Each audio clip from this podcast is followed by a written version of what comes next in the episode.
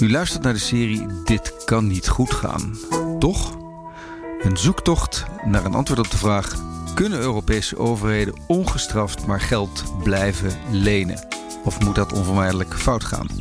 Mijn naam is Michiel Bikker-Kaarten, uitgever van de nieuwsbrief De Bikker. Dit is aflevering 3.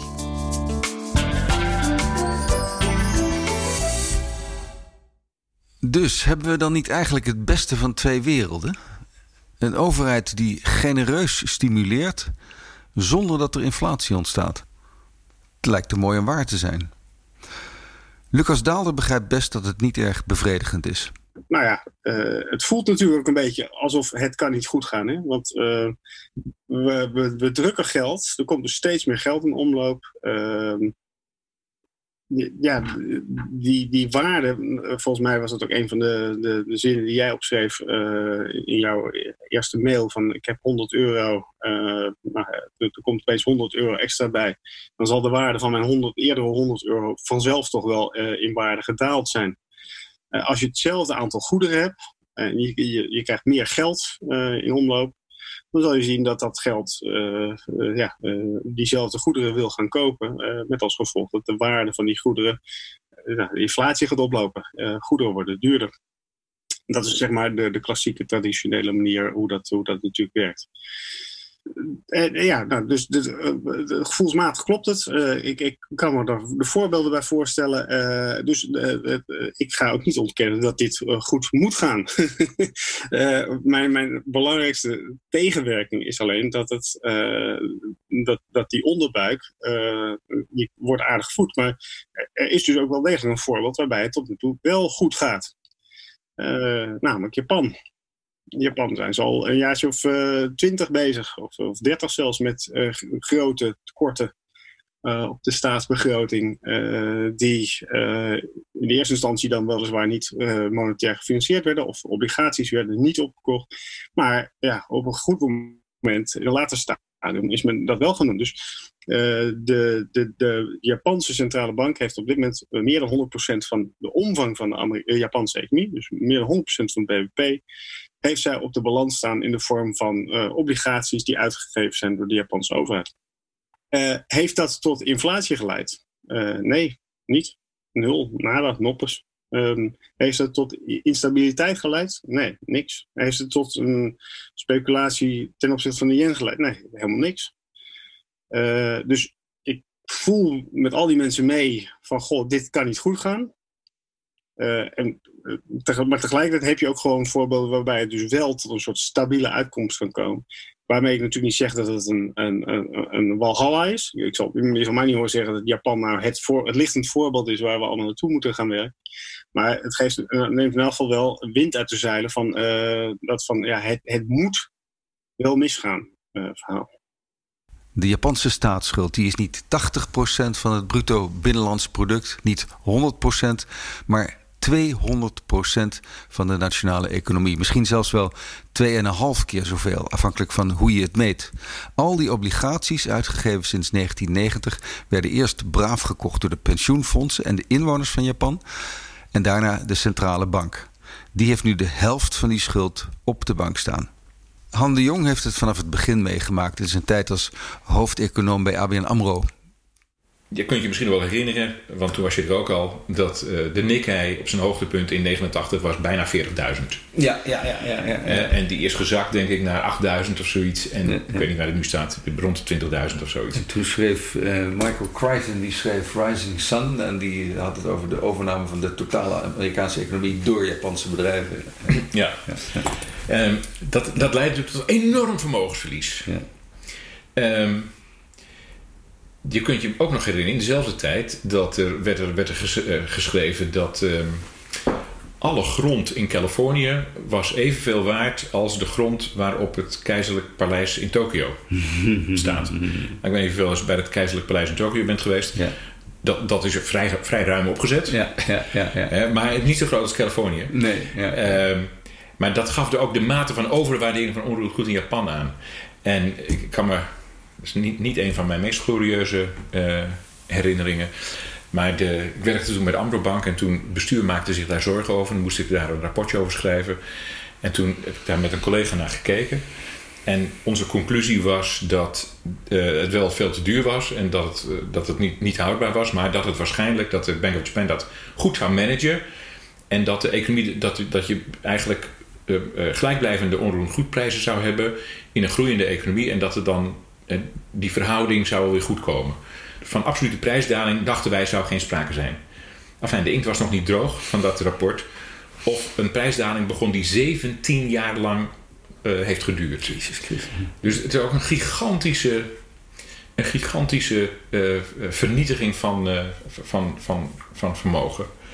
Um, van onroerend goed heb je het nu over? Ja, onroerend, dus, dus hadden we al de aandelen, dan hebben we onroerend goed. Ja, als je zoveel vermogensverlies leidt in een economie, dat is natuurlijk ontzettend ja, deflator. Ja. Uh, dus die economie die belandde in een diepe recessie. En toen is die overheid begonnen met stimuleren daarvan. Ja. Uh, en eigenlijk, ja, eigenlijk, daar zijn ze eigenlijk nooit meer mee opgehouden. Vervolgens hebben ze natuurlijk ook nog een demografische tijdbom over zich heen gekregen. Hmm. He, die, die, bevolking in Japan die is, die is al, he, die loopt wat vergrijzing betreft voor nog op West-Europa. De, dus de groeipotentie in de economie is daarmee ook verdwenen. Mm-hmm. En, en, en, daarmee dus ook de mogelijkheid om je schuldratio's te verbeteren. Uh, door een beetje nominale groei te genereren. Mm-hmm. Um, dus dat is een beetje de achtergrond van ja, hoe het zo gekomen is in Japan en waarom ze nu zoveel overheidsschuld hebben. Japan, zeggen veel mensen, is ons voerland. Ook een vergrijzende bevolking die voorzichtig is en dus veel spaart. Een rijk land met een steeds slomer groeiende economie... waar de centrale bank steeds de rente verlaagt zonder succes. Waarom wordt die rente verlaagd? Om dat enge monster deflatie te bestrijden. En toen Japan uh, in de jaren negentig uh, te maken kreeg met deflatie. Toen heeft de economische gemeenschap zich uitgebreid het hoofd gebroken hoe dat nou kon. Om evenwicht te krijgen op de kapitaalmarkt. De rente is het mechanisme om evenwicht te krijgen op de kapitaalmarkt. En die rente kan dus fluctueren als er schommelingen zijn in vraag en aanbod van kapitaal. Dat weten we nog van school. Als er inflatie dreigt, dan kan de economie verhitten. Dus maak je geld duurder, de rente omhoog. En dan gaan mensen vanzelf minder lenen en minder uitgeven. Maar wat doe je als het tegenovergestelde gebeurt? De economie blijft lauw, mensen doen niks. Dan zou je denken, verlaag de rente. Er is een theoretisch probleem als de rente negatief moet worden. Omdat een negatieve rente uh, eigenlijk niet goed mogelijk is. Omdat mensen dan hun geld niet meer naar de bank brengen. Maar in een, in een oude sok onder een matras stoppen. Dus dat is wat bekend staat als zero lower bound. Uh, de rente mag niet nul worden, want hij kan niet onder nul worden. Dus dan verliest de rente zijn evenwichtbrengende kracht. En heel eerlijk gezegd, wat Keynes heeft laten zien dat het tot rampen leidt. Uh, Krugman heeft dat ook, ook gezegd eigenlijk, het leidt tot rampen. Maar wat er echt gebeurt als je diep in de zero lower bound komt, dat willen we eigenlijk liever niet weten, want dat begrijpen we niet helemaal. Dus wegblijven van de zero lower bound, dat was de grote boodschap. En dus is de, was het gewoon eigenlijk het advies aan Japan. Ja, zorg dat je weer inflatie krijgt. Want met inflatie uh, kan de nominale rente moet dan omhoog. En dan ben je weer weg van nul en dan krijg je weer wat ruimte. Dus er moet hoe dan ook een beetje een inflatie zijn. Want dan heb je weer meer ruimte om de reële rente te laten zakken. Dat, dat is eigenlijk het kernadvies wat toen al speelde. En interessant in de... Dus wat je, wat je doet, kosten wat kost, deflatie voorkomen. Deflatie is doodeng. Deflatie gecombineerd. Deflatie in een situatie met een hele hoge rente maakt allemaal niet zoveel uit. Maar zodra de rente bij de, de buurt van de nul komt, dan heb je een groot probleem. En uh, interessant in dat artikel is dat Krugman in slotzinnen zegt... en zijn er nou andere regio's in de wereld waar dit probleem kan gaan spelen in de toekomst? Ja, er is er eentje. Europa. Europa heeft nou precies dezelfde demografische structuur als Japan, alleen 15 jaar later. Maar waarom kwam die inflatie nou niet in Japan? Om al die redenen die we in de vorige afleveringen al hebben doorgenomen. Veel van het geld bleef hangen in de financiële wereld, bij de banken en de pensioenfondsen. En de wereldeconomie werd steeds opener. Die globalisering, of beter gezegd mondialisering, die drukte de prijzen van alles. In het geval van Japan waren er nog twee andere factoren, zegt Edin Mujagic. Het is ontzettend lastig om inflatie in een deel van de in een deel van de wereld aan te jagen. Als die wereld geglobaliseerd is, dus die, die globalisering waar veel vaak over gesproken wordt. Terwijl die grote beweging in de wereld is naar dalende inflatie. Je roeit dus nu dan tegen de stroom in. Is heel lastig.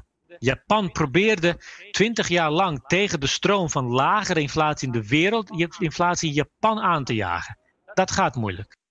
En nog iets anders, misschien wilde de Japanse overheid helemaal niet inflatie bestrijden. Als je in een land, Japan of welk ander land dan ook, echt inflatie wilt aanjagen, dan kun je dat veel beter als overheid doen en niet centrale bank. Wat bedoel ik daarmee? Stel dat je in Nederland nu zegt, de komende vijf jaar gaat er elk jaar per 1 januari BTW omhoog. Nou, dan, dan weet ik één ding zeker, dat levert inflatie op. BTW in Nederland is 21%. Volgens mij is de BTW in Japan nog steeds 8%. Dus als de Japanse overheid inflatie zou willen, wat, wat de overheid zegt te willen, dan kun je heel simpel zeggen, nu tegen de Japanners, tot en met 2025, elk jaar gaat de BTW met 2 procentpunten omhoog. Nou, dan gaan de Japanners het geld uitgeven, omdat ze weten, nou, langer wachten betekent dat het duurder is straks. Dan komt er heel veel geld in omloop en dat jaagt inflatie aan. Dat doen ze dus niet. Waarom doen ze dat niet? In een normaal land, Nederland, andere Europese landen, is ongeveer 60% van alle overheidsschulden in handen van de mensen die niet in eigen land wonen. Dus van beleggers uit Amerika, Latijns-Amerika, China, etc.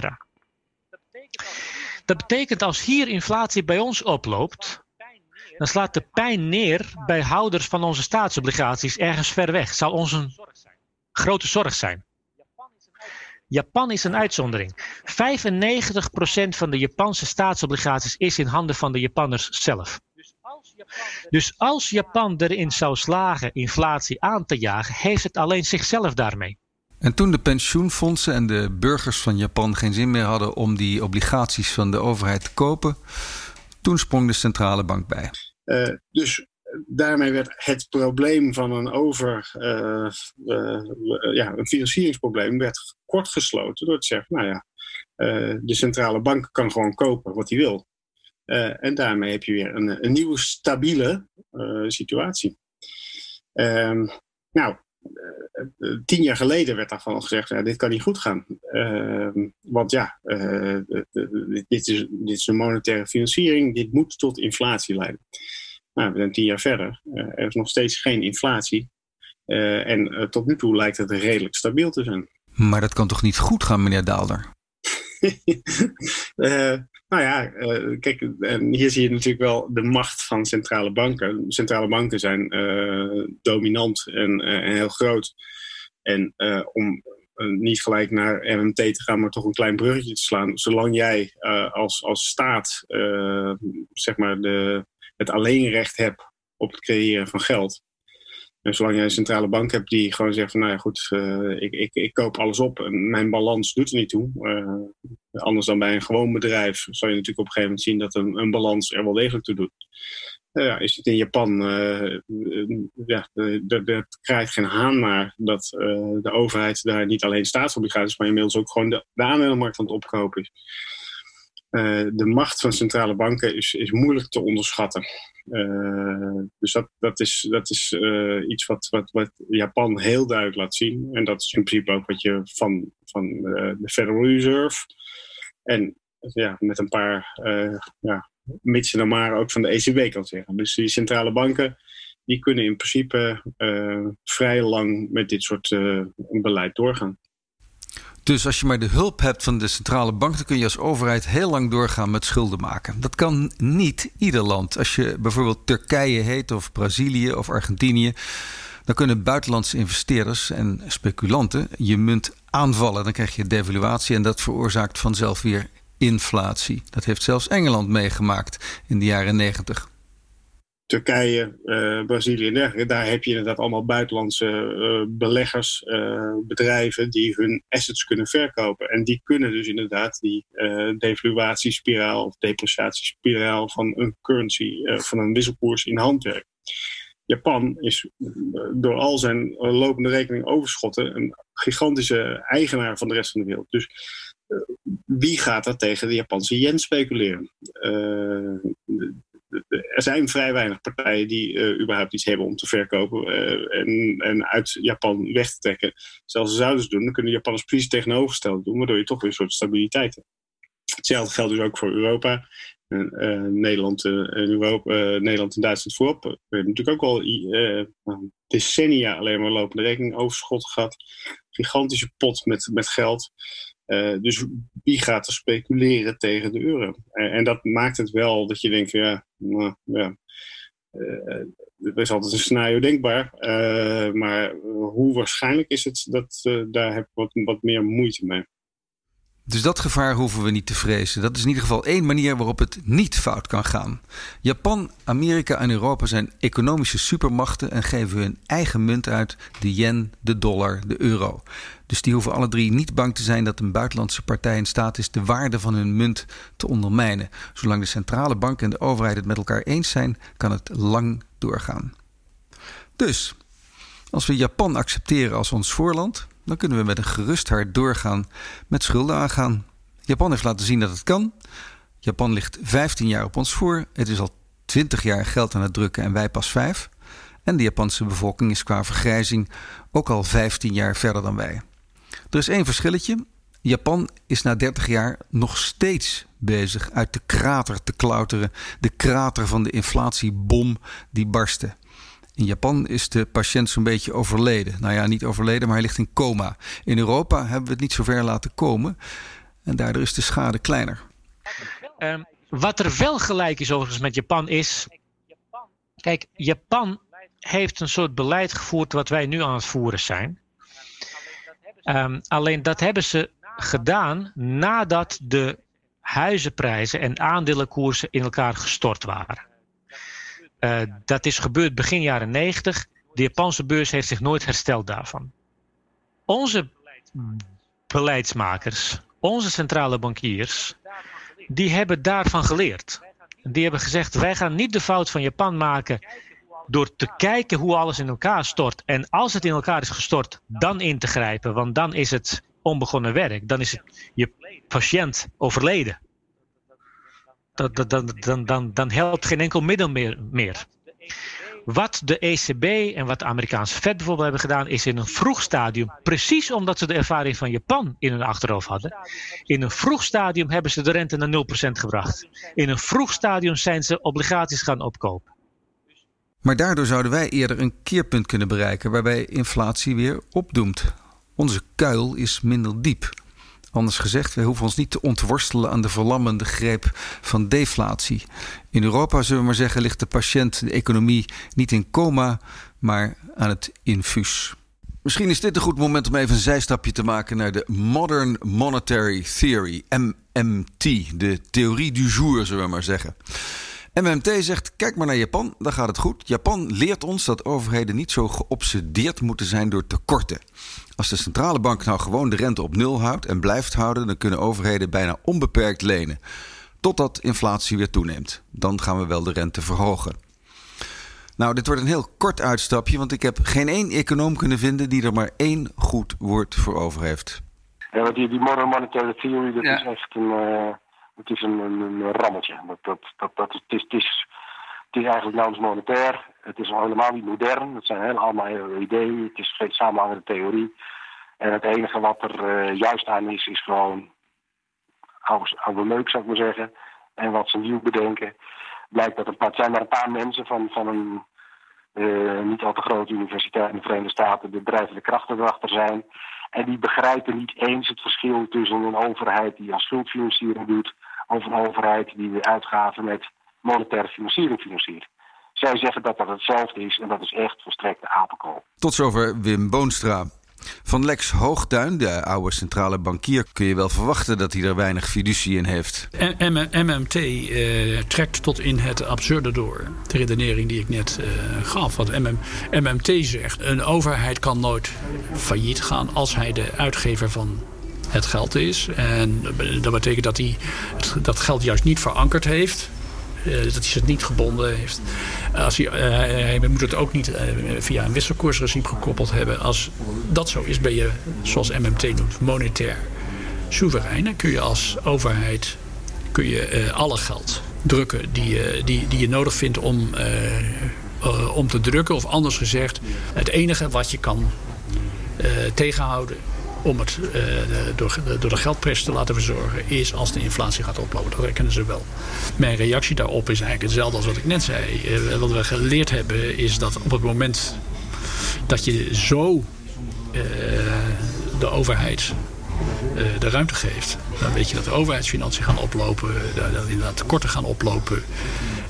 en dat op enig moment gaat die inflatie oplopen. Maar dan ga je, uh, dan heb je allerlei redenen om hem niet aan te pakken. Want op dat moment zou je heel hard op de rem moeten gaan uh, staan. En we weten, we hebben nou juist het, het, het bestrijden van de inflatie komen full circle. We hebben, we hebben de, de, het bestrijden van de inflatie hebben, hebben overheden zelf neergelegd bij een onafhankelijke centrale bank. Omdat ze weten dat dat impopulair maar zelfs Koen Teulings, die wel vindt dat de Nederlandse overheid meer moet lenen als de rente laag is, Zelfs Teulings die wil niet geassocieerd worden met MMT.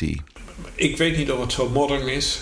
Uh, ik denk dat het uh, eigenlijk gewoon standaard, het standaardmodel van de macro-economie, het moderne standaardmodel van de macro-economie, uitgelegd is op een politiek aantrekkelijke manier. um, en daarom benadruk ik iedere keer die verzekeringspremie en benadruk ik iedere keer dat bomen niet tot in de hemel groeien.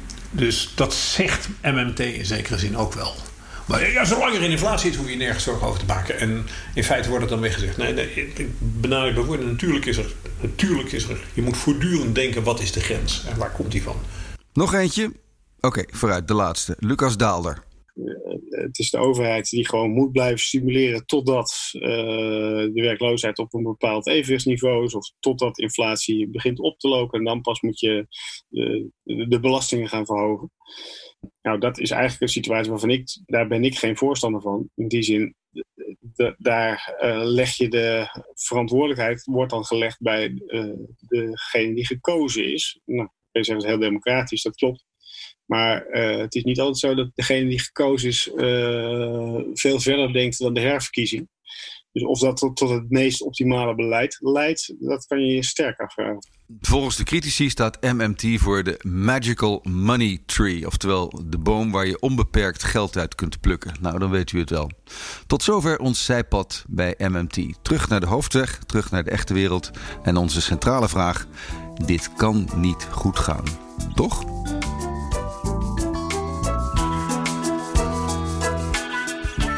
Je kunt dus jaren achter elkaar geld drukken zonder inflatie te veroorzaken. Maar hoe lang? Moet je niet toch rekening houden met de mogelijkheid dat de geschiedenis zich herhaalt? En wat zou er dan gebeuren? Dat in de volgende aflevering.